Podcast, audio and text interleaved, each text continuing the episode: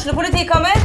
Ine Jansen er purk. Er du purk? The motherfucking bitch. Alt jeg vil, er å finne ut hva som skjedde med mannen min. Jon Carew. Er jeg sikta for noe? Iben Akeli. Det er du. Ole So, Lars Berrum og Big Daddy Karsten. Hvem sin side er du på, egentlig? Anette Hoff, Tone Danielsen, Kommer du fra Afrika? Jørnis Josef, Nesten. Kløfta. Trond Espen Seim, Det er synd å si det, men det var feil mann som døde. Purk. Premiere tirsdag på TV2 Play.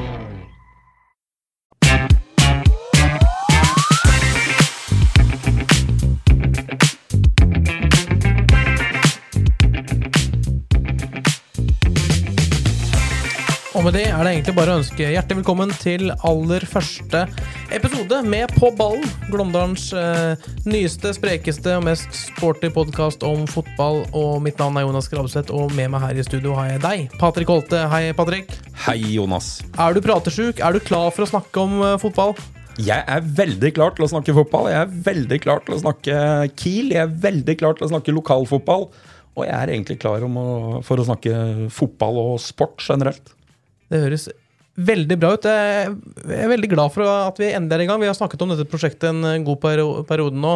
Vi har spilt inn en liten pilot som ingen sikkert får høre. Men eh, det vi lager nå, er jo det som eh, folk eh, får høre fra oss aller først.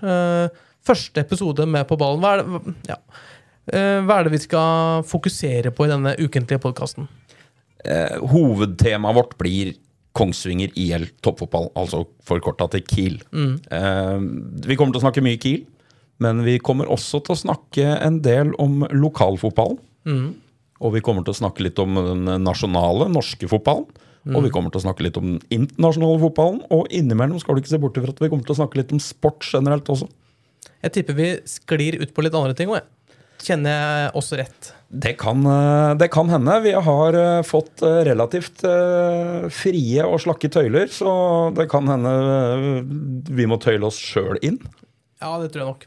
Men fokuset skal være, som du sier, Kiel, lokalfotball og så litt annen fotball. For det, det er jo det vi brenner for, og det er vel kanskje litt av grunnen til at vi har havna her i studio sammen, Patrick. Ja, litt om deg selv. 41 år gammel, er egentlig fra Flisa, har bodd på Kongsvinger siden 2003. Tidligere fotballspiller og generelt veldig interessert i fotball. Ja. Skal jeg prøve på noe lignende, da? Ja, det, Jeg vil gjerne høre litt om din, eh, hvor, hvorfor din kjærlighet for fotball ble så sterk. Åh, det er vokst opp da på uh, sittetribuna på Hjemslund og, og sett uh, det som er av hjemmekamper for Kiels A-lag siden ja, sent 90-tall. Det er ikke mange kampene jeg har gått glipp av.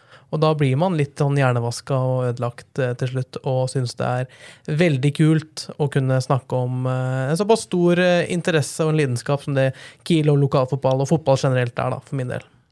Ja, men er, jeg tror det er flere i din kategori og min kategori. Eh, fotball tar mye av tida vår. Eh, vi har forkjærlighet for det nære og kjære. Og det vil si Kongsvinger for de som bor her, og for de som bor i distriktet. Og i tillegg så tror jeg veldig mange har et sterkt forhold til sin eh, ordentlig lokale fotballklubb der de bor. Helt riktig, og det er det vi skal dyrke her i, på ballen. Vi skal, vi skal få fram de historiene man kanskje ikke nødvendigvis leser om eh, i de store avisene, eller man får med seg på, på TV-sendingene. Her skal vi få fram de lokale profilene som, eh, ja, av spillere, trenere, eh, ja, Supportere. ja, alt mulig. Det er alle som har en eller annen fot innenfor fotballen eh, på et eller annet nivå. Både fra, fra toppfotballen eh, med, med Kiel, da, nødvendigvis, men eh, helt eh, nedover i divisjonene, for det er jo mange eh, profiler, og det er mye å ta av her. Ja, og så har vi jo fått et ordentlig kakestykke servert i år. Den lokale femtedivisjonen. Der er det mye godbiter å se fram mot, Jonas. Altså, vi har Sanner, vi har Eidskog, vi har Kiel fotball, vi har Grue, vi har Våler, vi har Kjellmyra. Og legger du til at vi skal ha Flisa i fjerdedivisjon, ja, vi har litt å glede oss til. Helt klart. Og apropos kakestykke, for uh, det er kjedelig å ta beste kakebiten uh, med en gang, men det er nesten det vi skal gjøre nå i dag, for dagens gjest er ingen ringere enn Vegard Hansen. Hva, hva tror du vi kan få ut av Vegard i dag, eh, Patrick? Jeg håper jo Jeg håper og tror, eller jeg veit for så vidt, det er en snakkesalig mann. Vi har fått en, eh, en eh, kjendis til Kongsvinger, kan, jeg, kan jeg få si det sånn? Kjendis er lov. Eh, Ja, han, han har vært i Mjøndalen i en mannsalder. Han, eh, han er en profil i norsk fotball. Jeg gleder meg til å snakke med Vegard. Ja, Det blir fantastisk kult. Så da er det egentlig ingenting å vente med. Skal vi få Vegard inn i studio? Det gjør vi.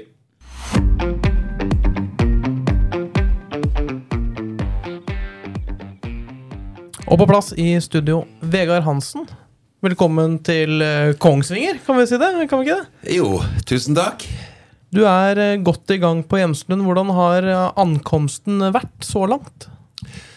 Eh, ja, jeg er kommet eh, Eller vi har kommet godt i gang. Nå er det Marbella om ikke mange dagene, så vi er ferdig med første del, får jeg si, av oppkjøring, og det har vært eh, Ja, hva skal jeg si Veldig gøy og interessant.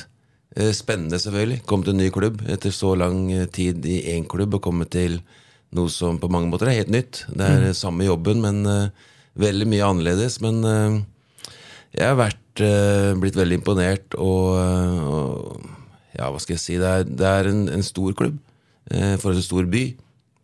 Og alltid litt større enn det jeg var vant til. Så, så langt så har det vært veldig gøy. Mm. Hva er det som overrasket deg mest de første ukene? Størrelsen på klubben. Eh, Nystuen er litt sånn ute av at han eh, snakker ned eh, eget produkt. Så spurte jeg hvorfor har du holdt på sånn. Det er for at når vi i Mjøndalen skulle komme hit, da skulle vi bare knuses og sendes tilbake. for, at vi skulle undervurdere Kongsvinger. Det har vi ikke gjort. Vi har tapt allikevel. Så nei, klubben er mye større enn jeg var her så vidt i 98. og da da var jeg ikke her lenge, og jeg fikk ikke ordentlig inntrykk av verken by eller klubb. Men eh, på meg så virker det mye større nå. Eh, Espen og mange andre selvfølgelig har hjulpet til, og, og klubben har blitt eh, stor. Uh, Hjemslund er et svært område med garderobebygga og brakka, får jeg si, og, og alle bygga. Det er jo kommunalt og svært. Mm. mye skal holdes i orden, og mye folk innom. Så mm, størrelsen på klubben er det som har overraska meg mest.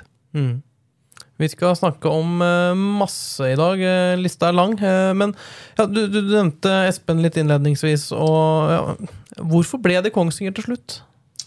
Ja, var, Du nevnte Espen, og det var en av grunnene. Jeg har kjent Espen siden jeg var her som spiller i 98. Da var han veldig ung junior, men det var nok til at vi blei litt kjent. Og etter det så har vi sett hverandre mye. Det er, det er særlig to stykker jeg har møtt når jeg har vært rundt på kamper i 2. divisjon på Østlandet. Det er eh, Espen Nystuen og Thomas Berntsen. Eh, De to eh, har vært de ivrigste eh, som jeg har møtt mest. Nå er det litt annerledes, for alt blir sendt på direktesport, så nå er det ikke det behov for å reise rundt. Men eh, sånn var det i mange år, og da blir man stående og prate fotball. og han, noe, han er jo en skrue, Espen, på godt og mye, mest godt. Eh, veldig hardtarbeidende.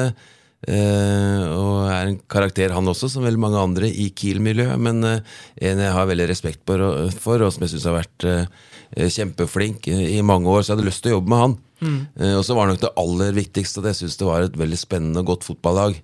Og en klubb også, selv om jeg ikke kjente nok til klubben, så hadde jeg inntrykk av at det var en tradisjonsrik Eller visste jeg jo, at det var en fin klubb. Og det har jeg fått bekrefta. Men uh, primært så var det uh, spillerne og laget som jeg blei glad i på høsten i fjor. Eh, og Espen som en sportssjef og dedikert daglig leder som jeg hadde lyst til å jobbe med. Men jeg vil tro at det var ikke bare Kiel som var interessert i tjenestene til Vegard Hansen eh, etter at du ja, var, eh, var ledig på markedet som trener i fjor. Hva, hva var det ja, eh, Sånn sett bort fra Kiel, men hva var det viktigste for deg da du leita etter en ny trenerjobb? Ja, det, det var at det var et sted hvor det var mulig å få til noe. Eh, og Derfor var det klubber også nedover divisjonen som jeg syntes var interessante. Men så var det Når alt kom til alt, så, så var det noe i utlandet som, eh, som ble faset ganske tidlig. Eh, og så var det noe litt ned i divisjonene. Men så begynte jeg å tenke Åh, skal jeg drive her og prøve å bygge opp en klubb en gang til? Begynne helt på scratch og møte da MIF2 i seriekamp, f.eks. Det, det var det som gjorde at jeg endte opp uh, i Kiel. Samtidig så var Espen veldig på uh, over lang tid og viste stor interesse for å få det til. Og det, det var eh, litt smigrende for så vidt, sånn sett, selv om han maste vel mye. Jeg fikk ikke lov til å tenke så veldig lenge av gangen før han var på tråden igjen. Men eh, det, det var muligheten å rykke opp nå fra Obos til Eliteserien, og da kanskje var muligheten allerede nå første året, selvfølgelig. Det, det trigga meg veldig, istedenfor å kanskje gå fra tredje til andre og andre til første, og, og bruke kanskje en åtte-ti år på å komme seg ordentlig opp. Så, så det var nok det som til syvende og sist ble avgjørende. For det er fullt mulig å rykke opp med Kiel eh, med det første? Eh, ja, det er, det er klart det er. Vi, vi har mulighet til det. Vi, det. Klubben var nære i fjor. Eh, gikk den lange veien fra sjetteplass og, og hele veien opp til den finalen mot Sandefjord, så det var jo nære. Eh, imponerende høst de hadde, så, så det er mulig, men, eh, men veldig vanskelig. Det er eh, veldig mange om bein, og det, det ser bra ut i toppen av Obos. Sett eh, veldig mange av de laga, og det blir en, en tøff fight, men at vi skal eh, eller at muligheten til å være der oppe, det, det veit vi jo. Mm. Det er ikke noe lag som Brann, og kanskje ikke like god som Stabæk heller. Så de to beste i fjor rykka opp, og så kom det to litt mindre klubber ned. Litt usikker på særlig Jerv, og kanskje KBK også. Så, så det er klubber vi kan hamle opp med, men eh, da må man treffe ordentlig både på spillelogistikk og treningsopplegg og komme godt i gang. Og hvis man eh, får til alt det, og, og ting sitter, så, så er det mulig. Spillelogistikken, eh, Vegard. Altså, du er jo inne på det her. Kongsvinger gjorde jo en eh, kjempehøstsesong i fjor og var jo like ved å klare opprykket. Men det er jo en del spillere borte fra de som spilte mye i fjor. Vi har en eh, Martin Hoel Andersen, man har begge sidebekkene. Det er jo Jeg tror vi regna på det i stad, det var fem mann ut. og Per nå er det to nye inn i, i troppen for i år. Hva, hvordan ser du på, på årets tropp? Jeg syns det er eh, bra kvalitet. Det, du har rett, vi, vi mista begge sidebekkene, men så har vi fått noen tilbake. Murray var god. Eh, Der eh, har vi henta Martin Helland, veldig spennende, ubeskrevet blad. Så det er usikkert, det, men oppsiden der er, er stor. Vi har brukt Daniel Lysgaard litt som høyrebekk også, så vi har for så vidt to stykker der. På venstre så var Marius Aamodt Eriksen borte hele fjor. Han ble henta før sesongen i fjor som en ung, spennende bekk, så han skal få muligheten. Eh, Grodås var skada i fjor og er tilbake igjen, så, så vi har fått noen tilbake også fra langtidsskader. Men du har rett, vi mista to veldig gode bekker, skråstrek wingbacker, i, i Skjølstad og, og Murray. Nå gikk Murray til Eliteserien, og, Skjølstad ble kjøpt for to millioner, så det er klart at det var kvalitet i de to. Hole Andersen gikk til Sarpsborg, til Eliteserien, og, og Bringaker også, for å si vi mista jeg, Vi lurte lenge på den, og jeg fortsatt veldig usikker på om det var riktig å la han gå. Eh, Jeg syns han var god på høsten i fjor, men det er vel de fire da vel som stort sett spilte. Jeg vet ikke hvem femtemann eh, da er. Nei, jeg tenker, jeg tenker jo litt på Mathias Gjerstrøm som ble borte, men det, det er jo ikke noe du får gjort noe med. Det er en skade. Det er en skade, og han eh, er så vidt tilbake i trening. Og, og det er et savn, men sånn er det med fotball. Uh, og verst for han, eller det er veldig ille for Kilo, for det er en av de beste spillerne i divisjonen.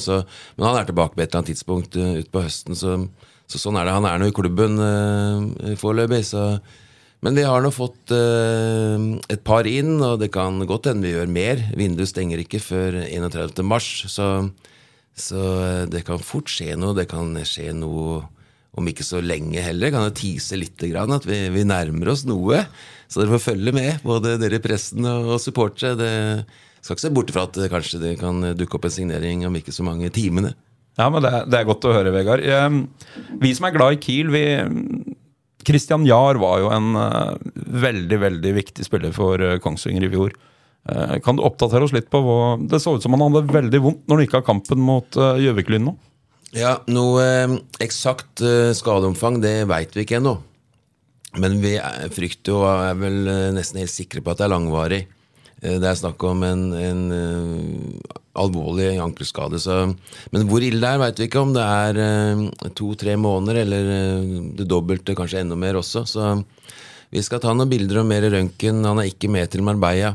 Han går rundt på krykker, kan ikke belaste. og det, det virker ikke Altså, han vil miste seriestarten og, og gått ut på våren, helt sikkert. Så, så det er et tap for oss, selv om vi har gått med stoppere. Eh, Odne fikk jo sin eh, re-debut nå, da, og det, det er en spiller som ikke var med i fjor.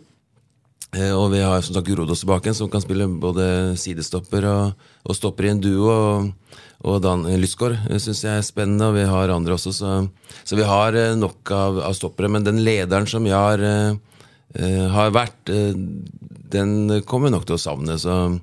Men som sagt, fotball eh, består ofte av eh, Man må selge, man må gi bort spillere, man får spillere skada. Så må man gjøre det beste ut av det. Dette skjer i alle klubber, så det, dette må vi håndtere.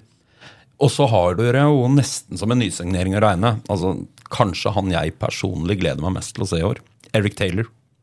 Han mener jeg har et potensial som vi så glimtvis i fjor. Han var ny, kom fra Lillestrøm, fikk noen kamper på slutten, viste glimtvis hva han var god for. Hva tenker du om eh, Er det bare jeg som ser Eric? Nei, det er det jo ikke. Eh, Åpenbart Nystuen. Han signerte den jo, hadde jo opsjon på den, så, og det er jeg glad for. Det er en uh, veldig spennende midtbanespiller. Uh, ekstremt kvikk, litt sånn internasjonal i uh, rykket sitt. Han er en som kan gå av folk, og det, det gjør han veldig lett ofte. Veldig kvikk og god defensivt også. Og så er det en opplæringsprosess da, med en ung spiller og en afrikansk spiller, så, så tar det litt av tid. Eh, spilte ikke fast i fjor, men kom innpå og gjorde gode kamper. Han uh, må læres uh, opp som alle andre unge spillere, og i hvert fall de fra en annen kultur. Det tar litt tid. Så, så det, men vi har noen uker og måneder på, så han kommer til å bli viktig. Han kommer til å få mye mer spilletid enn i fjor. Og han har et godt venstrebein og har alt som skal til for å bli en, en toppspiller. Du, du, ja, du så jo mye av Kiel i fjor høst, og du, du kjente jo laget godt fra, fra før av. Men kan du si noe om hvem, hvem av spillerne som har imponert deg mest de første ukene? Er det noen som eh, ja, vi kan begynne å glede oss for å se nærmere på utover året, eller? Ja, det er det. Det er eh, Generelt får jeg si at det er høy kvalitet. Det er eh, Og jeg har hatt mange lag opp igjennom, eh, både i, i Obos og Eliteserien. og det, det også er vanskelig å sammenligne, men uh, den troppen her er, uh, om ikke den beste, så i hvert fall helt uh, der oppe. Blant de beste spillgruppene jeg har hatt. Vinor er blitt en klassespiller. Jeg kjemper hardt for å få beholde Holter. Det var interesse rundt han. Altså, dette er jo kontinuitetsbærere. Eh, Og samme, altså Holmé er en bauta, han stopper. Grode også har kommet altså Jeg kunne ramse opp veldig mange. Og så har vi unggutter som kommer med Taylor, som du nevner, og, og mange andre også. Jeg, og så har det vært veldig artig å se ja, Oddnøy har vi nevnt litt allerede. Eh, Men, men Sander, eh, for eksempel, og, og Grunt, som har vært på utlån, de har kommet inn og vært eh, gode. De imponerte meg veldig. Eh, Daniel Lysgaard òg er en spiller etter min smak med voldsom energi og, og trøkk og en god høyrefot. Så det er spillere som ikke kanskje har fått bidra så mye som de har ønska, men som har imponert det så langt. Marius eh, Aamodt Eriksen også har hatt eh, to fine kamper nå. nå nå han får muligheten nå, da.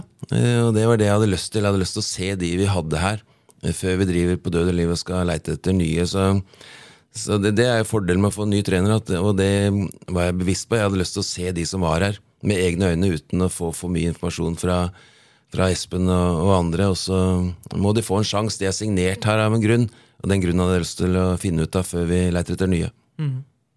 Hadde vært eh, Obos-start i morgen. Hva, hva, hva var det som hadde holdt deg våken i natt da? Eh, litt bredden. Eh, akkurat per nå så er vi nok litt få på topp, i og med at vi spiller med to spisser. Og har vel egentlig bare én av ja, to skadefri, som vi har brukt nå med Brage og, eh, og Gyven. Vegard kan spille der, han er mer, kanskje mer midtbanespiller. Langrekken og eh, ja, Langrekken har vært veldig mye skada, og Brage har jo ikke heller fått spilt så mye, så det er usikkerhet rundt de to. Eh, Gyven også begynner å dra på åra, så med to spisser så, så bør vi nok få inn en der. Eh, og så er vi nå med Grodås, eh, som kanskje viser seg mer og mer med alder og, og størrelse som en midtstopper mer enn en offensiv back. Eh, og da eh, står vi igjen med Marius Aamodt Eriksen, og da kan det hende at vi trenger eh, en backup eller en, eh, en til der også på Kanskje en som kan spille begge bekkene eventuelt. eh, det, det kan hende. Så er vi godt besatt på stoppeplass. En trio eh, i kassa der som er eh, kanskje best i divisjonen med, med Agge og, og Smedplass og også eh, Mats eh, Lindegård, som er veldig spennende ung gutt. Så de tre keeperne med, med alder og, og erfaring og kvalitet sammensatt, så er det en veldig flott trio. Gjennom hele sentrallinja på midten også er vi mer enn nok eh, spillere. Så, men en spiss bør vi nok ha en, og så kanskje en backup på, på bekkene. Du, har jo, du kom jo aleine til, til Kongsvinger som trener. Altså du, ofte hører vi at trenere tar med seg et eget støtteapparat. Hvor mye var du med å påvirke det når du signerte fra, for Kongsvinger? Jeg, jeg kunne godt insistert på å fått med noen. Eh, men eh, jeg har ikke sånn veldig tru på å være sånn veldig kompromissløs, i hvert fall ikke som ny i en klubb. Så dette var, og Jeg kjenner Espen så godt, eh, og han kjenner meg, så, så var, jeg følte ikke det behovet. Jeg føler ikke at jeg kommer aleine, jeg føler at jeg kommer som et tilskudd til en klubb som er velfungerende. og Det blir Espen og jeg som tar mange beslutninger, og det, det blir helt sikkert eh, diskusjoner og, og krangler også, men det håndterer vi veldig fint. Eh, Det er jeg helt sikker på kommer til å gå bra. Og så tror jeg vi, vi skal finne gode løsninger for Kongsvinger som, som fotballklubb. Så jeg hadde ikke noe behov for å ha med meg noen. Og, det, nei, det var et veldig godt team. Og jeg, jeg blei kjent med de guttene som var her, før jeg signerte og blei veldig trygg. Eh, Johan Wennberg er en fantastisk eh, type og en eh, veldig flink fotballtrener. eh, Som jeg verdsetter veldig høyt. Vi, vi tok med oss Eller henta Magnus Erga fra Notodden. Erfaring som, litt, som hovedtrener er på, på, i andredivisjon, Notodden. Jeg hadde holdt det laget mirakuløst oppe på slutten der, og, og jeg henta en som analysesjef og assistent, den jobben som egentlig Mika hadde. Som for øvrig har gjort en, eh, en veldig veldig god jobb. Så, så de to er der. Martin Skogli Holt også, som har den linken inn mot Mapei. Eh, han ble veldig trygg på. Så dette er greie folk. eh, Flinke, hardtarbeidende folk. Og det er team nå som er veldig velfungerende. Så jeg savner ingenting. Og så tar vi Brutus òg. Lianes som keepertrener, som kommer litt sånn som det passer han sjøl. Men det fungerer veldig godt eh, sammen med den keepertrioen der. Så, så de er litt sånn eh, på utsiden. Eh, Martin Brutus er ikke med på mange trenermøter, men han er veldig har, er jo veldig skarp kar, så han, han eh, kommer der i arbeidsklærne sine og, og slagstøvler og, og trener keeperne sånn som de liker, og, og de blir bedre. Så det der Jeg lar dem holde på. Brutus skal få holde på akkurat som han har gjort, og han har utvikla keepere for Kiel i mange år, og det skal han jammen få fortsette med. Fotballtreneren eh, Vegard Hansen han, eh, han hadde 17 år i Mjøndalen før han avslutta nå i fjorårssesongen. Eh, Hvordan fyr er du som fotballtrener, eh, Vegard? Eh, jeg er dedikert og hardtarbeidende. Eh, veldig lidenskapelig. Det er jeg for så vidt i alt jeg gjør. Jeg, jeg gjør veldig sjelden Enten så gjør jeg det ikke, så gjør jeg det 100 Enten så får jeg noen andre til å gjøre ting. Så, jeg, jeg vasker lite hus og, og bil og bytter hjul på bilen. Så det, det, sånt driver jeg ikke med. Eh, Men jeg driver med, med fotball, eh, og, det er- og det driver jeg med hele tida. Så det er ikke tid til mye annet. Så det er kanskje det som kjennetegner meg best. At jeg er eh, Jeg føler meg veldig sånn, lidenskapelig opptatt av fotball, og det gjør at man blir dedikert og, og alltid godt forberedt. Og følger med. Og så, er, og så har jeg blitt eh, flinkere og flinkere tror jeg, til å delegere og stole på andre folk. Det, det var en prosess i Mjøndalen fra fjerde nivå og hele veien opp. Så, så blir det sånn at man hele tiden som klubb tar nye steg, og man kan ikke få gjort alt sjøl. Så, så jeg har lært meg til å delegere, og, og det er deilig. Eh, Når man har gode folk og flinke folk rundt seg, så er det eh, veldig tilfredsstillende å se dem vokse på den tilliten man kan gi dem. Da. Så, så det er sånn som type. Eh, hvis det var det du tenkte på, så er det jo en fotballmessig tanke bak dette her, eh, som er eh, en annen side av det å være fotballtrener. Du starta jo din eh, trenerkarriere som spillende trener i Stord Moster, hvis jeg ikke har det helt feil. Det er riktig, ja. Heter Stord nå. Det Nå heter det Stord. Stord. Eh, og, det, og det endte jo fantastisk. Det ble opprykk på første forsøk der, fra tredje til annen divisjon. Forsto du da at eh, det er fotballtrener, eh, det har jeg lyst til å bli? Nei, det gjorde jeg for så vidt ikke, men jeg hadde et uh, håp og ønske om det. Uh, tidlig, altså jeg, jeg er jo født inn i en fotballfamilie og oppvokst med tippekamper uh, på tidlig 70-tall, og, og ble jo Det er der lidenskapen satte seg i meg. Og den satte seg veldig hardt og har ikke sluppet taket. Ikke en dag, ikke et sekund. Så, så, folk spør meg noen ganger hva med motivasjon. Jeg, hva mener du med det? Altså det? Den er på topp uansett. Eh, Så det har aldri vært noe problem. Jeg har vært eh, lei meg pga. fotball, men aldri lei fotball. Så, så den, eh, Den lå der og har liksom vokst med meg hele veien opp igjennom gjennom faren min og, og alt dette her. Nå prater jeg meg helt bort. Hva spurte du egentlig om? Nei, det, jeg, jeg elsker at folk er Du er jo lidenskapelig fotballmann. Uh, for jeg gikk gjennom spillekarriera di, oh, ja, sånn, ja. ja det, det var det jeg skulle si. Uh, for det, uh, og når man er fotballspiller, så er det det beste i verden når man er lidenskapelig eh, fotballinteressert. Og så kommer man til et punkt, egentlig for meg ganske tidlig i 20-åra, hvor man tenkte at oi, nå er jeg ikke ung og lovende lenger. Jeg kan spille til jeg er noen og 30. Nå spilte jeg til jeg var over 40, så, men det visste jeg ikke da. Og det var fordi jeg tok ut laget sjøl de siste åra, så da fikk jeg forlenga karrieren litt. Men eh, da tenkte jeg hva, hva er det beste jeg kan gjøre når jeg er ferdig med det her? Eh, og da tenkte jeg da vil jeg bli rockemusiker. Eh, men det skjønte jeg at det kunne jeg ikke bli, for jeg kan ikke synge og ikke noe greie på musikk. Men det syns jeg ser gøy ut. Eh, og da tenkte jeg nei vel, bli fotballtrener. Eh, og da begynte jeg veldig tidlig å ta kurs og, og forberede det. Så jeg har jo jeg har mange sånne permer, svære permer jeg har notert, og der eh, skriver med, med blyant. Eh, Det ser ut som jeg er eh, akkurat konfirmert. Så jeg, har forberedt meg på trenergjerningen så lenge jeg kan huske. Og skrive opp øvelser, skrive opp hvordan trenere var, hva jeg likte, og hva jeg ikke likte. Og det er banale ting som står der på begynnelsen av de første permene, men det, det viser i hvert fall at jeg hadde en plan med det også, da. Eh, og så fikk jeg muligheten veldig tidlig da på Stord, eh, og fikk en ilddåp der med en klubbleder som var ekstrem, Terje Simonsen, dessverre død nå, men det, det var et eh, elsk-hat-forhold som eh, jeg tenkte underveis der, med en skilsmisse også, eh, samtidig at verre enn det her får jeg det ikke. Og det har jeg ikke fått. Så det herda meg veldig og har gjort meg robust mentalt. som også en fotballkarriere gjør, da. Man får jo vurderinger etter hver kamp. eh, Så, så jeg fikk en eh, røff start der. Eh, og så ble det Mjøndalen da etter det. Og da etter hvert så skjønte jeg at jaha, dette her blir visst retningen resten av livet. Da ting begynte å, å gå bra der.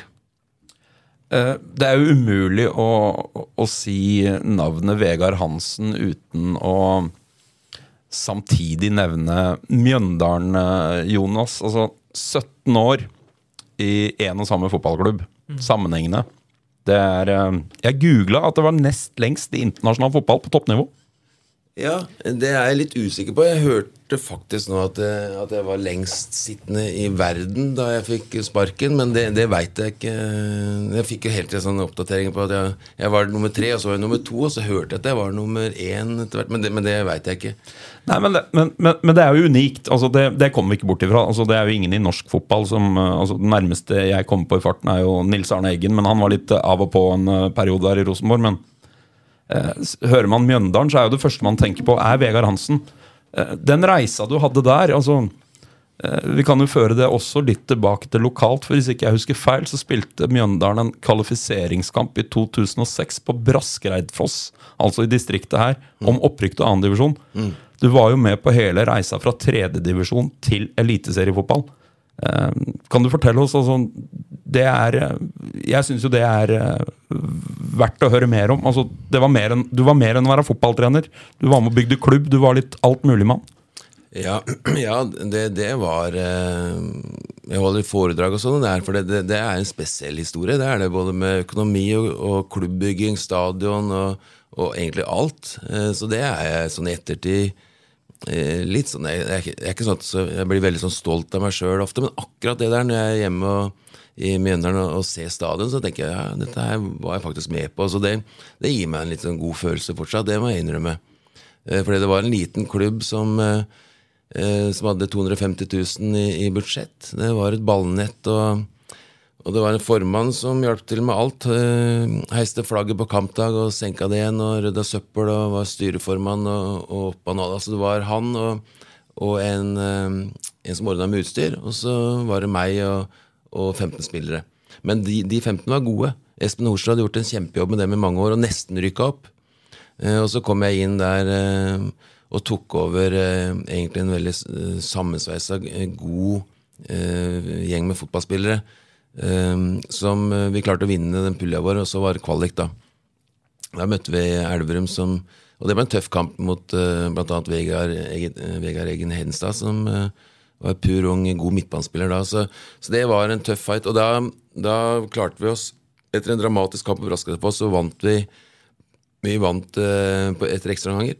Eh, veldig marginalt. Eh, og uten det opprykket, det tror jeg var det viktigste opprykket eh, for Mjøndalen. For jeg er redd eh, at enkelte der ville blitt litt utålmodige hvis det ikke hadde gått da. Det var vel sånn tredje-fjerde året kanskje på rad hvor man nesten hadde rykka opp. Så, så det var utrolig viktig. Eh, og det gjorde at vi fikk de spillerne videre opp eh, i andredivisjon.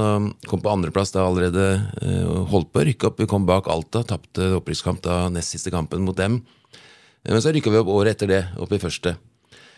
Eh, og da begynte det virkelig Altså da måtte vi eh, ha alle på proffkontrakt. Vi hadde ingen på proffkontrakt. Vi måtte eh, gjøre noe med stadion, bygge nytt stadion. Eh, så, så da Det skjedde veldig fort de første åra der. Og det, det var ekstremt. Da hadde jeg fått med Kenneth, eh, både som spiller først, og så inn som dagleder. Så vi, vi gjorde mer eller mindre alt de første åra der. Jeg drev med alt av marked, f.eks. Gjorde alt av markedsarbeid.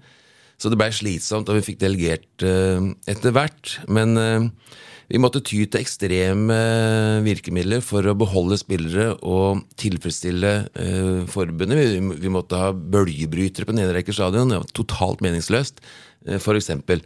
Og vi måtte bygge denne stadion, som Kenneth tok seg mye av.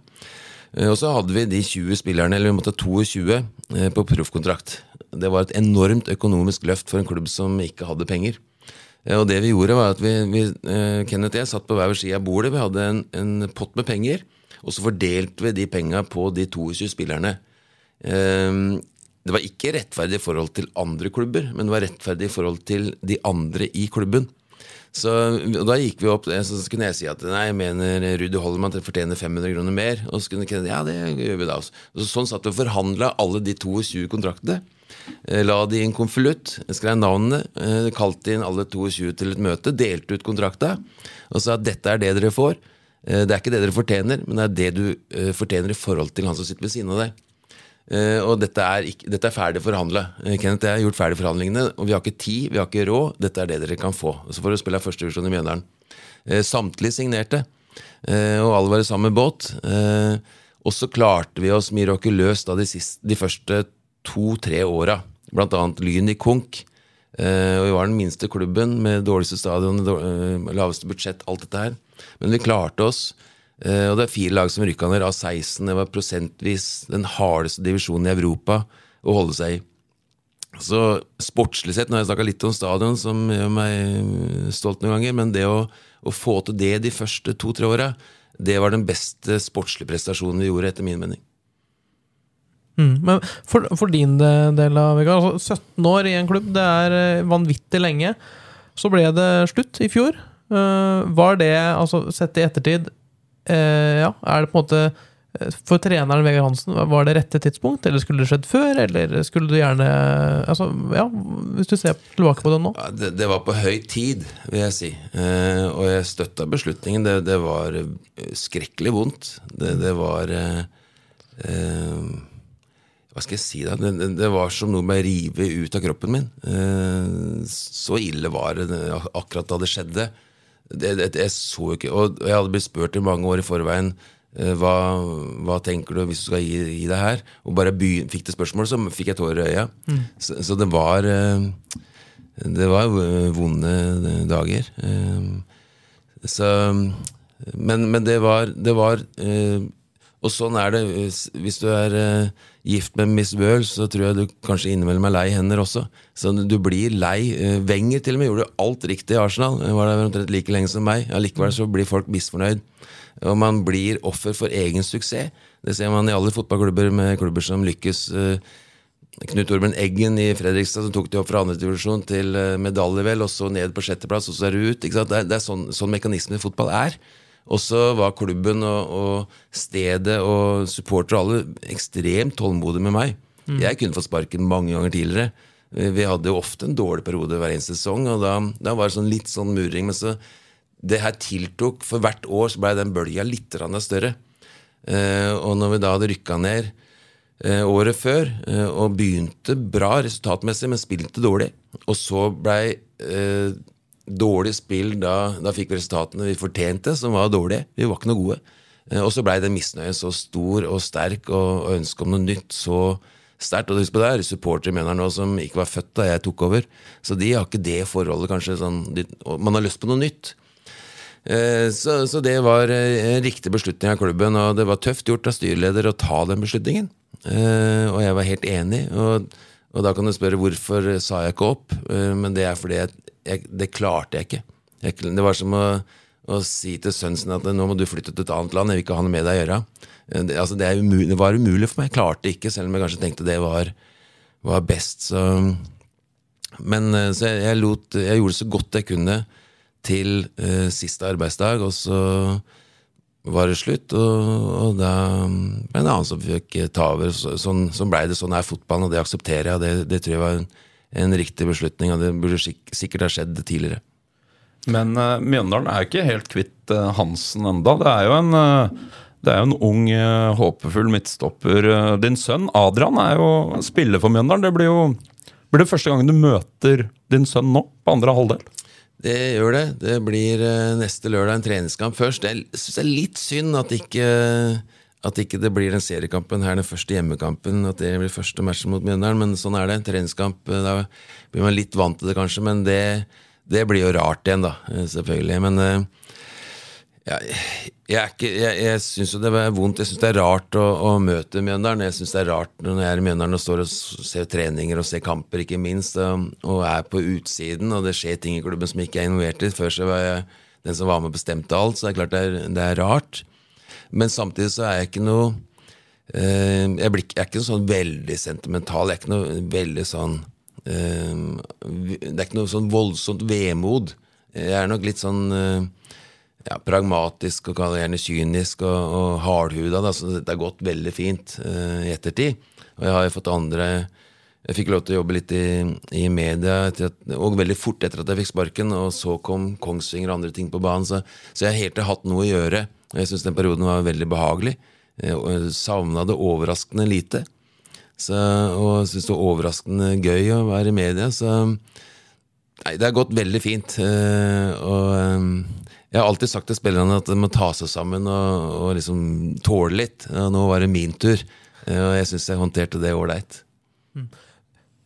Nå er det sånn at uh, Kiel er jo på et litt annet uh, sted enn det Mjøndalen var da du kom inn der. Uh, mye mer etablert, vil jeg tro, med tanke på at her er det faktisk penger. Det er sponsorer, vi har bølgebrytere på tribunen, og vi har et anlegg som på en måte er om, ja, Hadde vel tålt en liten oppussing eller en utvidelse, men ting er mer på plass. Men likevel så vet jeg at du har vært med på sponsormøter. Du engasjerer deg litt utover den arbeidsinstruksen din, eller hvor- hvor- hvorfor ønsker du det?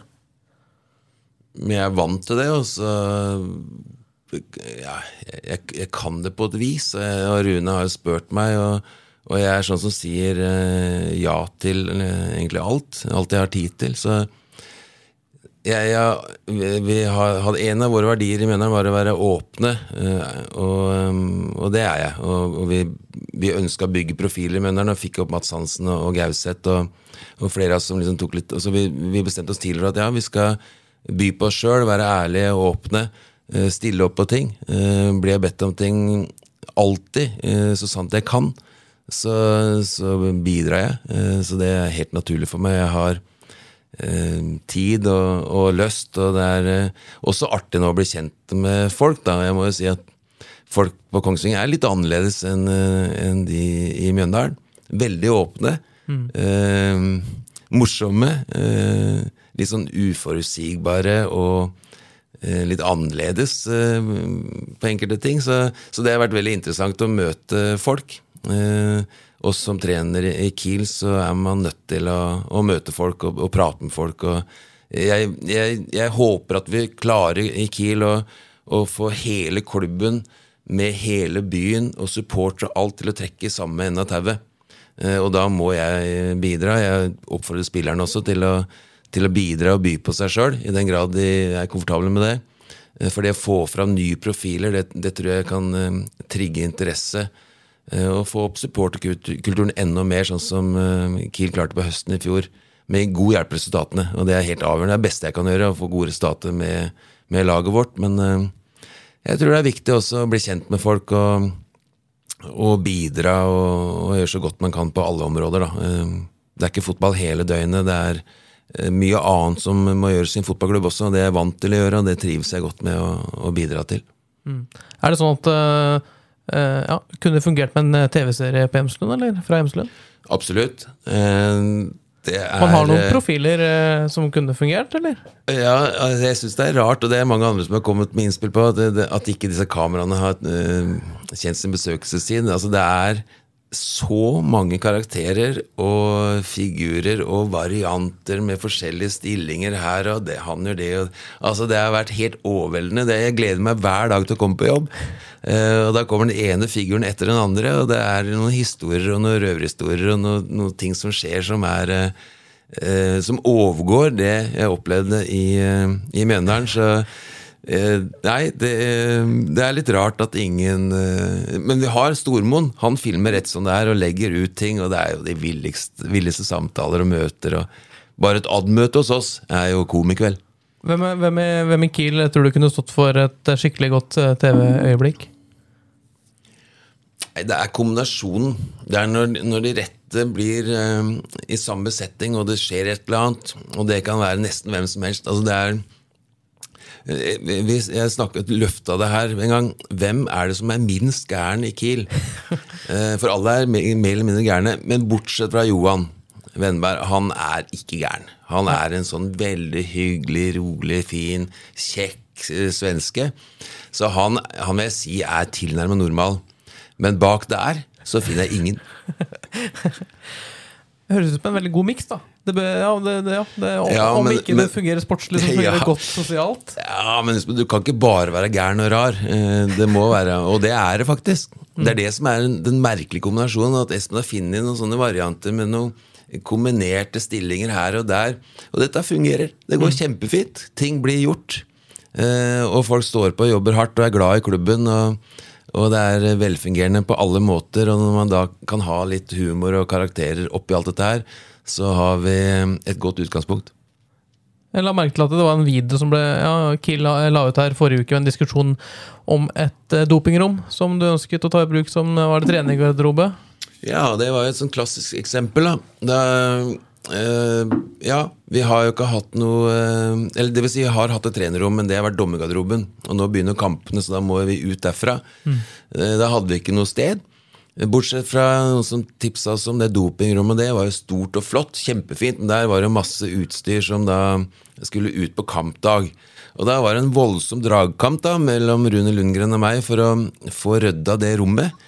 Og at det skal være så vanskelig, det er vanskelig å si, se ettertid. Men eh, det var visst helt umulig da, å få flytta på det. Men eh, fikk hjelp av Simon Wint, som tok ordentlig tak og rydda, og det der blei helt topp. Eh, og det var litt eh, aggressiv tone underveis der, mellom Rune og meg. Men det løste seg greit. Men det som er da, vet du, så sitter vi Da eh, driver vi med en helt vanlig diskusjon, og så snur jeg meg når den diskusjonen nesten er ferdig. Så snur jeg meg, så sitter jo Stormoen og filmer. Det var det ingen av oss som visste før, før helt på slutten der. Eh, Og så kommer, kommer Biffen. Da. Det var Alle har kallenavn nå, for øvrig. da Så kommer Sigmund inn med noen fotballsko der, og så var det god stemning igjen. Altså, det var en sånn helt typisk dag, at det skjer hver dag på Kongsvinger.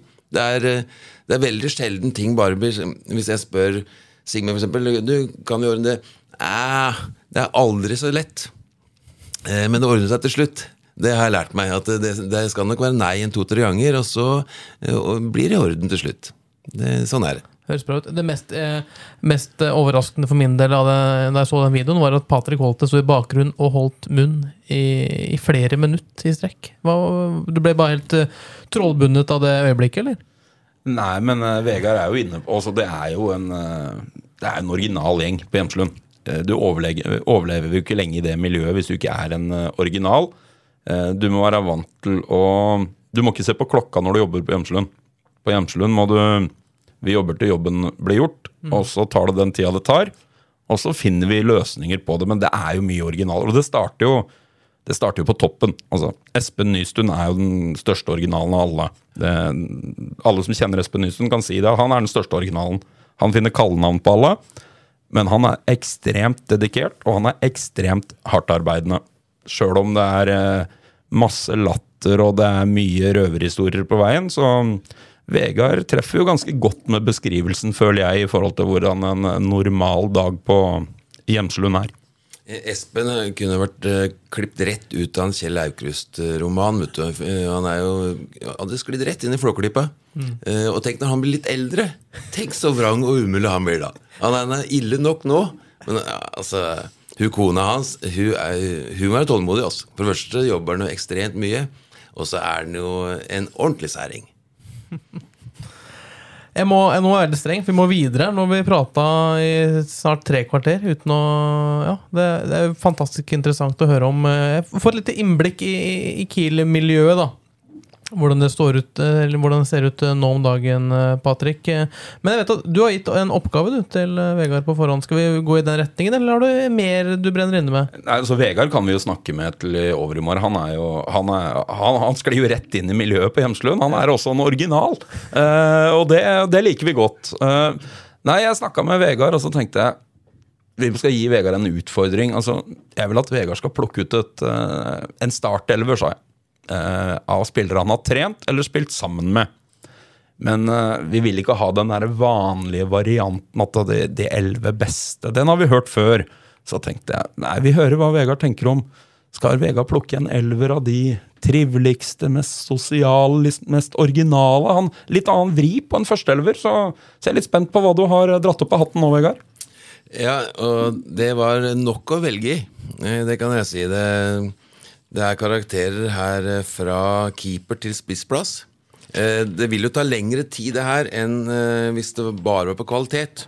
For det er jo en liten historie rundt de aller fleste. Noen av de historiene her burde hatt i hvert fall 16, sannsynligvis 18-årsgrense. Eh, Så dere får bare pipe det ut hvis det blir for ille. Ja. Vi kan begynne med Øystein Maskin Thoresen. Eller Maskin, som vi sier i Mjøndalen. Eh, det er et navn han har valgt sjøl, eh, for han mener det er en maskin. Eh, og det er han for så vidt. Det var en keeper som var med oss opp fra fjerde nivå, eh, og spilte litt etter det også. Humørspredet Han var sånn at hvis det var litt kjedelig, litt trykk av stemning, så kunne jeg bare si 'Maskin, hva syns du?' Og da var det et eller annet helt merkelig som kom. Eh, blant annet da, så hadde han vært i Syden sammen med Jonas Kortgård, som var kaptein. Eh, og så er han eh, i overkant glad i damer, eh, Maskin. da. Og hadde funnet ei flott, lyshåra dame fra Sverige. Og da hadde Jonas gått inn på hotellet, og så hadde maskinen da fått med hun dama opp på hotellrommet. Men så ville han bort og vise seg fram for Jonas, og hadde banka på Da han hadde vært bare bar overkropp på bokseren. Banka på den Jonas. Jonas hadde lukket opp. Og da hadde han stått og klappa sånn med hendene over huet. Klappa seg sjøl. 'Se hva maskinen har fått med seg hjem!' og det var hun, er, hun er svensk! Se på hun jeg traff her i kveld! Og så hilste Jonas på, og så viste det seg at hun er kav bergenser. Så han hadde trodd ja, hele kveld at hun var svensk, men det var altså fra Bergen. Men dette er altså en mann som ikke skjønner at noen bryr seg om bensinprisene, for han fyller for 200 kroner uansett, så det betyr ingenting for han. Så det er på det nivået. Eh, Det var maskin. Eh, Dette blir langt, jeg skal prøve. Jeg skal ikke være så lang på alle. Espen Horsrud Hæ? Jeg lover bra, det. Ja, Eh, Espen Horsrud ansatte meg i Mjøndalen. Og jeg har vært, to ganger så har jeg vært så forbanna på et menneske at leppa har begynt å, å bevre. Det er Horsrud begge gangene. Jeg kan ta den ene der, og det var eh, Vi spilte sammen i Hønefoss. Eh, og da var det sånn at vi spilte fem mot fem, eh, og bare lov til å markere og takle sin motstander.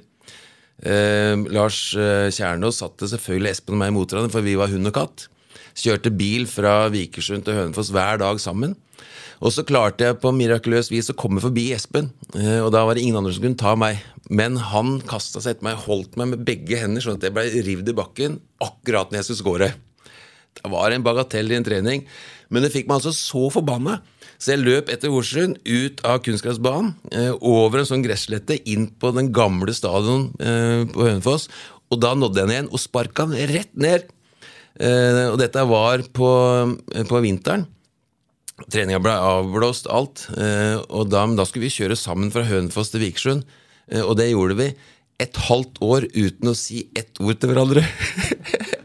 altså det, men vi visste begge når vi skulle møtes i Vikersund. Vi visste når vi skulle trene. Og da satt vi altså der en halvtime kjøring hver vei i ca. et halvt år uten å si ett ord. Det var, ble pinlig etter hvert. Så, men så begynte serien uh, utpå der, og da, da måtte vi uh, krype til korset og, og begynne å prate sammen igjen. Men det var, det var Horsen, han er en god kompis av meg. Så, for, så forholdet er bra igjen nå? Det, det har gått seg til nå, men det der var altså det, det sykeste jeg har vært med på. Uh, det var veldig ubehagelig det halve året der, også. Men begge veldig steile.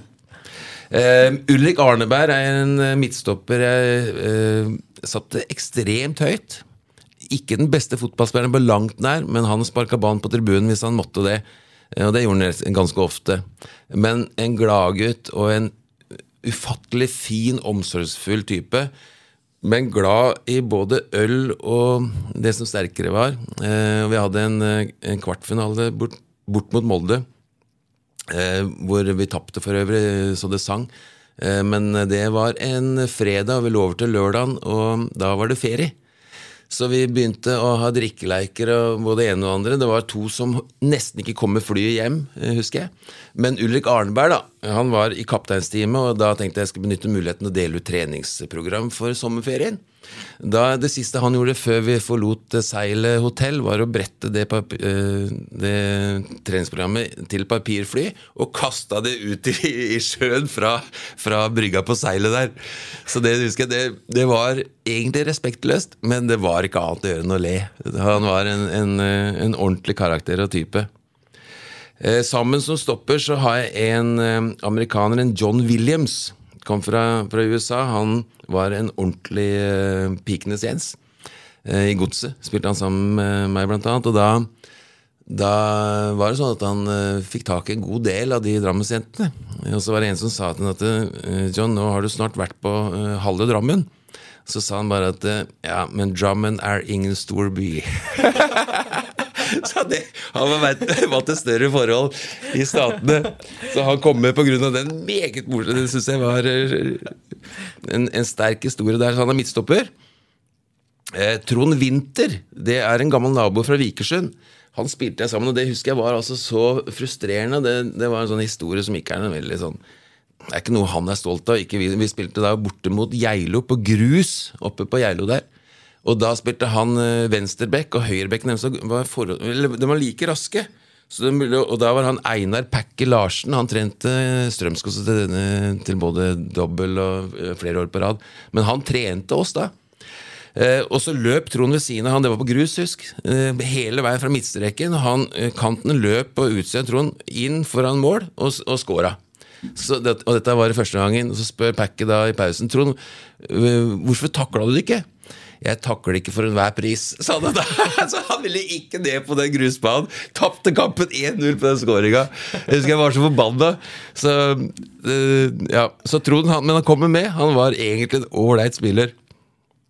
Uh, Kenneth Carlsen er den siste i uh, Det er en, en, av de aller beste kompisene mine som var med og bygde Mjøndalen. Vi var med på avslutningsturer, Kenneth og jeg, uh, ganske lenge. Altfor lenge. Uh, vi var med på festene og, og, alt. Var en del av, av spillgruppa.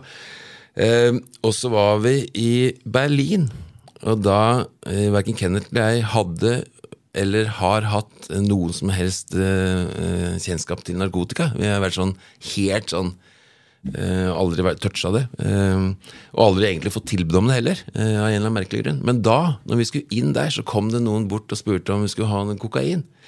Og da sa Carlsen flåste at 'jeg tar et kilo', sa. Og så tenkte jeg ikke mer på det. Og så var utestedet Det stengte jo ut på morgenkvisten der. Og da sto jo han karen Da han reiste rundt i hele Berlin og skrapa sammen et kilo med kokain. så han sto der og venta på oss. Men vi skulle jo ikke ha, vi skulle ikke ha så mye som et gram. Men det falt jo i litt dårlig jord.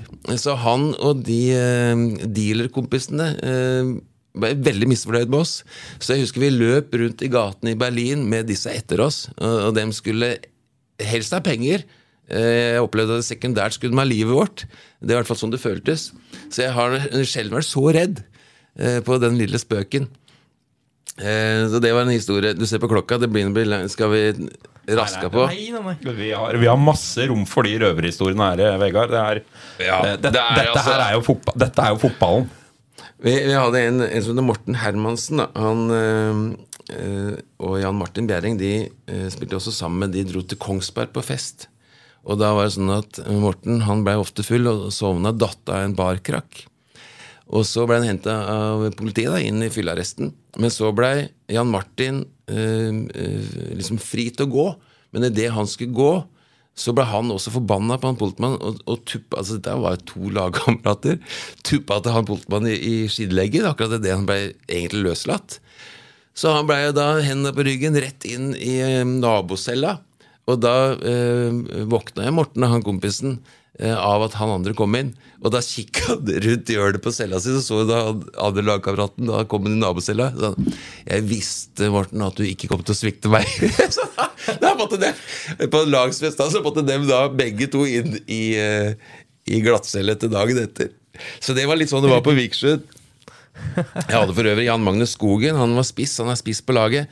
Det var en, en treningsleir. Vi hadde grisefest i Danmark. Da kom han altså med Terje Liknes som trener. Så kom han ridende til hest på trening. Rett på morgenen der. Har vært på låvefest sånn grisefest. Og hadde bare sæla, da han ligger jo på den gården hos dattera der, og kom da ridende til hest. Da altså da veit jeg ikke helt hva jeg hadde tenkt som trener hvis jeg hadde um, opplevd det. Jeg tror ikke jeg opplevde det i Kongsvinger, men sånn var det Vikersund på, på 80-tallet. Eh, nå nærmer det seg slutten. Eh, Dwayne Plummer han tar jeg med. Det var en ung gutt jeg spilte sammen med Bristol City. Og der var det sånne Christmas eh, dues, eh, altså juleselskaper, som var på et nivå som eh, Du kan ikke tenke deg hvor, hvor sinnssykt det var. Da var det sånn at, Og da var det jo stripper, og de gikk fra å være stripper til horer utpå kvelden. I hvert fall så oppførte de seg sånn. Så han eh, lå jo på ryggen da med en sigar. Han, eh, Dwayne Plummer, en unggutt, han ble forresten ganske god. Eh, Med ei av de der eh, oppå seg. Mens alle gutta det sto rundt og klappa og jubla. Dette er den som får 18-årsgrense for øvrig.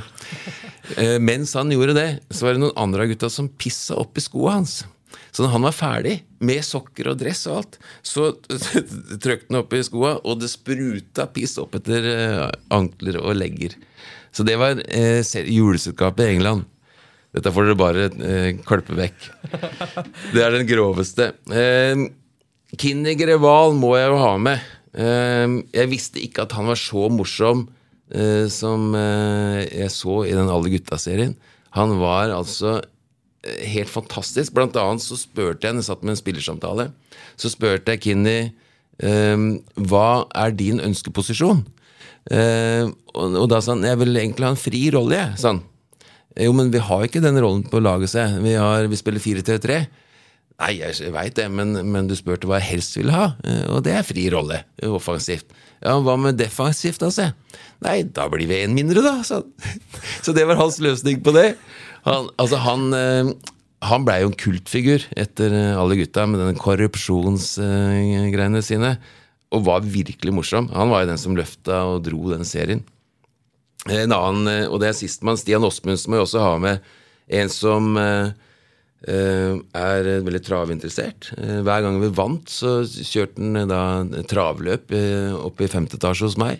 eh, Med å kommentere et helt løp hvor han alltid vant til slutt, med en seiersgest. Det er utrolig morsomt. Eh, Men så var det en sånn osteepisode som eh, også ble kjent i denne serien, hvor hvor eh, etter et tap så eh, i svartsidene fra meg, så, så ble jeg så forbanna på osteskjæringa, som da var som en sånn kano. Ehm, og fikk helt dilla, helt irrasjonelt, uh, i garderoben der. Uh, og kikka meg rundt. Hvem faen er det som har skåret osten sånn?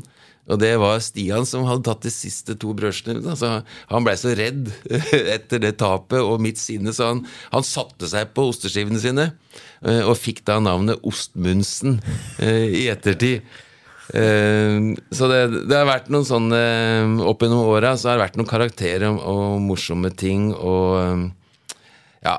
Det var eh, lite knippe som tok altfor lang tid, men uh, det var det du ba meg om, så jeg, jeg, jeg fant noen. Jeg mener jo det her er eh, levering på skyhøyt nivå, Jonas. Ja, helt klart. helt klart og, og Er det lov å håpe på at man, kan, eh, at man får et, en, en Kiel-periode der du kan eh, få noen sånn konkurrenter inn på laget, eller noen som kan kjempe seg til en plass? Eller er det på en måte Det, det her bør man kanskje ikke ønske? det, det, er, det er potensial i ganske mange av dem, ja. Ja. Eh, både på og utafor banen. Så um, jeg ser ikke bort fra at noen spillere kunne kommet inn her. Nå fikk jeg dårlig tid, så eh, Og takk for det, Patrick. Det var eh, en times tid å forberede seg på. Men eh, eh, det var noen der som lå litt sånn som eh, og bobla. Eh, men jeg kjenner dem ikke godt nok ennå. Og jeg kunne ikke hatt det med på en sånn liste. Dette er spillere som har gitt seg for mange år siden. Så, men kanskje om, om ti år, hvis jeg er i en ny klubb da, så er det helt sikkert noen fra Kiel som ville kommet med. Hadde, hadde du spilt med Nystuen, tror du han hadde vært en kandidat på en sånn liste? Jo, absolutt. Eh, han hadde vært med. Han hadde nok besatt eh, godt over halvparten av plassen her, tenker jeg. Fantastisk eh, lag, i hvert fall. Det, det, ja, du har sikkert noen tilsvarende eh, eh, ja, medspillere fra din karriere og Patrick, som eh, kunne hevde seg på et sånt lag. Ja, og, og, og det var litt av bakgrunnen til det her. Altså, vi, vi snakker ofte om de, de gode spillerne, eller de som har utmarka seg rent sportslig. Men har du vært i en garderobe, har du vært i et miljø Det er de menneskene der som gjør at fotballen blir så mye mer enn bare det å vinne en fotballkamp. Som gjør at du husker det så godt. Det er, jo, det er de der som sitter igjen. Det er disse typene du savner. Eh, du savner det generelle eh, i en fotballgarderobe. Du savner det å oppleve ting sammen. Det å, du savner ikke det å tape, men, men tapa ligger der sånn at seirene blir så sterke. Eh, og det å, å oppleve store ting sammen, eh, sammen med kompiser.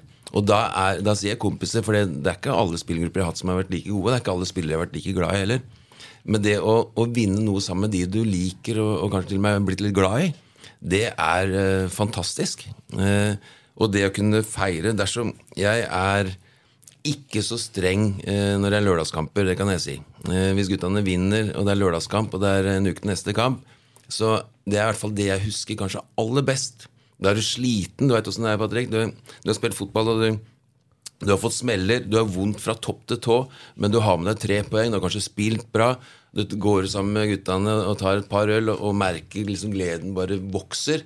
Det er en glede jeg ikke ønsker å ta fra spillerne i Kongsvinger heller. Jeg håper det blir mange muligheter eh, til å kose seg sammen. og det er ikke noe snakk om, altså Fotballspillere nå er mye mer seriøse enn da vi spilte. Eh, og det er ikke noe problem med sånne ting i det hele tatt. Jeg tror det er tvert imot. Og derfor vi tok den festen nå med i rolige former, det også. Det er eh, flotte gutter med, med badstue og, og stampen der etter en hard periode. Sånt noe er jeg helt sikker på er, gir flere plusser enn minuser. Det er jo, og det er litt artig at du sier det, fordi det gikk jo en debatt på, i sosiale medier, spesielt på Twitter, rundt oppkjøringa til Kongsvinger i år. altså i januar måned var jo ekstrem i antall treningsøkter. Og så var det jo en del som mente mye om det, Vegard. Hva, hva tenker du rundt det? Ja, sånn som det ble fremstilt, så, så skjønner jeg at man reagerer når man teller økter. Det var ekstremt. Eh, men dette var jo planlagt. Eh, og vi hadde opp mot fire økter, men da var det jo å starte dagen med yoga, altså for å få gårsdagen ut av kroppen. Så var det en vanlig fotballdag klokka 11. Eh, og da er det oppe i to alt. Eh, og så hadde vi styrke overkropp og styrke bein. Det var det vi hadde den ene gangen vi hadde fire økter. Så var det noen ganger eh, svømming, som vi hadde da de første ukene. To ganger i uka. Blir ikke skada av svømme, blir ikke skada av yoga, yoga heller. Eh, så mm, dette her var planlagt. Vi bygde et fundament fysisk hos hver enkelt spiller som gjorde at vi da gradvis kunne gå over til mer og mer fotball. Dette er for å unngå bløteskader, eh, som han hadde eh, litt av i fjor, og som er drepen for en fotballspiller å hele tida få seg strekkene. Eh, Og det ønsker vi å unngå, og så er det ikke noen garanti, men det er i hvert fall planlagt, og det er, det er bevisst. Og så fyrer vi litt oppunder. Vi, vi syns det er ålreit å stikke seg ut. Vi syns det både er kjedelig og uinteressant å være helt A4. Så det ønska vi ikke. Eh, og, vi bygde, og det er en grunn til at jeg drev og la ut, og vi la ut at nå er økt nummer to, nå er økt nummer tre, nå er økt nummer fire, for å få akkurat den reaksjonen. Det det her fører til, er at så langt i år så er det én Obos-klubb som er dekt på TV2, og det er Kongsvinger. Eh, når det blir loopet etter hvert, så er det ett sted de kommer, og det er sannsynligvis til Kongsvinger. Det er fordi vi har gjort noe annerledes. Det, så dette her var bevisst, eh, og jeg veit hvordan pressen fungerer og tenker. Twitter hjelper oss. Eh, Dette her tar vi med knusende ro. Hvis ikke vi blir gode, så er det ikke pga. det her. Nei, for det er ikke sånn at eh, man prøver seg på noen helt eh, ville ting. Det, er, det ligger jo en vitenskap, det ligger et samarbeid med Mapai Sport bak der. Man har jo man har vel full kontroll, har man ikke? Eh, jo, vi føler jo det. Vi eh, sto jo blindt på dem. Og vi leverer jo tall. Dette er jo GPS, og mål, vi måler jo absolutt alt. Så mm, vi føler at vi har kontroll, og det er kontrollert, og det er eh, planlagt. Og det er ikke mitt opplegg. Dette er jo noe som vi viderefører fra i fjor og forrige fjor, med noen justeringer. For det blei noen skader i fjor. Vi begynte for tidlig med for mye fotball, eh, og da kom skadene. Så det har vi lært av i år. Og, eh, de syntes sikkert det var kjedelig. Jeg ville, synes, ville hata den perioden. Jeg er ikke noe glad i verken yoga, svømming eller løping eller styrke. Jeg vil gjerne spille fotball. Det regner jeg med de andre guttene her vil også. Så det var mentalt veldig belastende. Det var det. Eh, Men fysisk så kom vi oss godt gjennom det her og, og oppnådde det vi ønska. Vi, vi fikk bygd eh, en plattform å jobbe videre med. Og det å spille fotballkamp eh, og spille nå i nesten 100 minutter, som man ofte gjør nå, det er noe av det mest belastende man kan gjøre for en kropp. Det er veldig fort gjort å få skader, eh, og det må vi prøve å unngå så godt vi kan. Mm.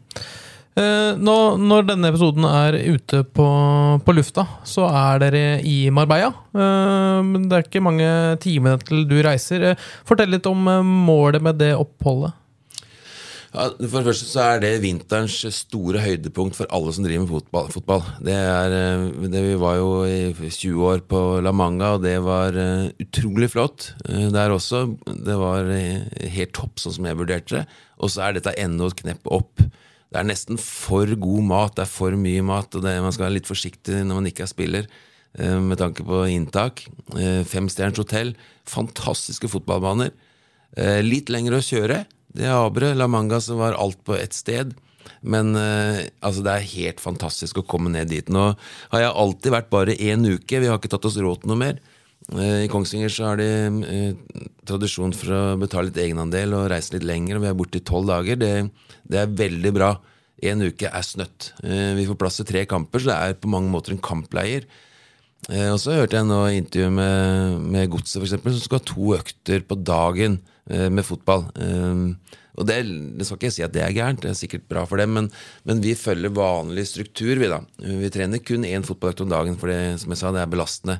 Nå dytter vi på med litt yoga, litt styrke, men det er de kampene, tre kamper mot god motstand, som er i, i, i førersetet, og som, som styrer vi, vi tar utgangspunkt i de kampene, og så planlegger vi de tolv dagene ut ifra de kampene med, eh, med forberedelser, eh, restitusjon eh, og litt sosialt også. Eh, og fotballtreninger, selvfølgelig. Men eh, planlagt dette også. Men ikke noe overdrevent, for den sosiale biten er også viktig.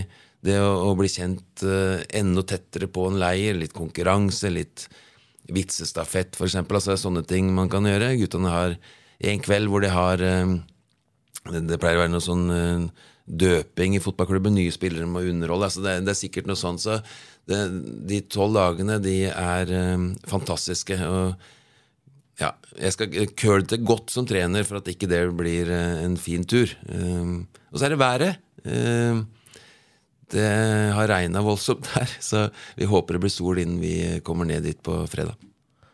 Sats på det. Sol og mye god fotball og et, eh, et godt opphold for eh, Kiel. Patrick, eh, vi får prøve å runde av litt her. Det har blitt en times prat med, med Vegard. Hvordan vil du oppsummere det her, Patrick? Har du, har du fått mer trua på nye Kiel-trener nå, eller? Ja, jeg har for så vidt hatt god tro på Vegard lenge, men han Det er jo reisa til Vegard Hansen som jeg syns er like interessant for Kongsvinger. Altså, jeg oppfatter at Vegard Hansen er mer enn bare en fotballtrener. Han er også en eh, klubbbygger. Han, han er med på mer enn å bare trene sine 22 spillere som han har ute på et A-lag. Eh, og hva bra kan Kongsvinger bli? Altså, kan, fotball er jo kortsiktig. Altså, det er resultatdrevet. Vi må, vi må ha resultater i inneværende sesong. Men hvor er potensialet til Kongsvinger om tre, fem, ti år? Der er jeg veldig tydelig på at det må kunne gå an å etablere seg i Eliteserien.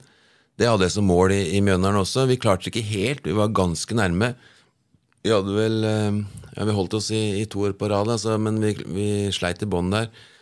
Det var en mindre klubb, mindre sted, eh, lavere potensial, selv om budsjettet er ganske likt per nå. Så er potensialet mye større. Det er, eh, det er jo eh, en del eh, folk i området her med god økonomi, som er involvert i klubben og som har hjulpet til i mange år, som sikkert har lyst til å oppleve Eliteserien. Så, så vi prøver å få med oss eh, investorer og støttespillere og sponsorer og, og alt eh, for å øke budsjettet. Det er en tydelig korrelasjon mellom budsjett og, og prestasjon. Sånn er det bare i fotball. Eh, Jo bedre spillere, jo bedre sjanse har du. Jeg mener vi har gode nok spillere nå til å kunne kjempe om et opprykk. Ikke noe selvfølge i det hele tatt, og vi har sikkert ikke noe favoritt til å rykke opp, men vi har muligheten. Og det har vi i hvert fall i løpet av en to, tre, fire år. Så eh, ja. Jeg ser ingen grunn til at vi ikke skal eh, kunne få til det. Eh, det går an å finne mange grunner, for det er mange faktorer i fotball, men eh, jeg har det som utgangspunkt. Men jeg tenker ikke så langt fram, skal være helt alene. Jeg gjør alt jeg kan i dag for at vi skal bli litt bedre i morgen. Eh, Og så tenker vi også litt mer langsiktig, men det er først og fremst Espen sin, eh, eh, sitt bord. Da. Og sånn er det med en sportssjef som, som må tenke langsiktig på klubbens vegne. Og så har du en trener som er ansatt for å få det beste ut av det mannskapet som er der nå. Og så er det heldigvis sånn at Espen og jeg jobber godt sammen, og jeg involverer han så godt jeg kan, og han involverer meg når det er behov for det, og så jobber vi godt sammen som klubb, og det tror jeg er et godt utgangspunkt. da. Være godt bemanna, vi har nok folk, vi har flinke folk, vi har en bra spillgruppe, så, så fundamentet ligger her, og så er det opp til Espen, meg og resten av teamet og resten av klubben til å dra det her videre. Og det er det mange som hjelper til med. eh, På marked og, og på alle områder, og frivillige og på kjøkken. Og det er, det er en fantastisk klubb med, med veldig mye flinke og greie folk, så jeg har kjempetrua på prosjektet og konseptet, og det, det er grunnen til at jeg syns dette her var, var spennende å, å bli med på også. Så du mener potensialet er større på Kongsvinger enn det er i Mjøndalen? Ja, i hvert fall nå, for nå i fjor så, så er det stort underskudd i, i Mjøndalen som de drar med seg, og, og gjør at det blir vanskelig i år å, å få en slagkraftig i hvert fall bredde i troppen. Eh, kan godt hende de blir eh, bedre enn oss, det, det er en god elver der, men, men jeg, budsjettet må nedskaleres der. Jeg håper at vi kan gå litt andre veien eh, i Kiel. Og potensialet med nytt stadion, eh, nytt hotell kanskje inn her, bygging i sentrum, med høyskoler, med, med en by på, på 20 000. Altså det er, alt er større her. Ikke så stort at det er en automatikk i at Møndalen ikke blir like gode, men det er i hvert fall et potensial her som, som er større. Og så er det opp til oss å forvalte det så, så godt vi kan.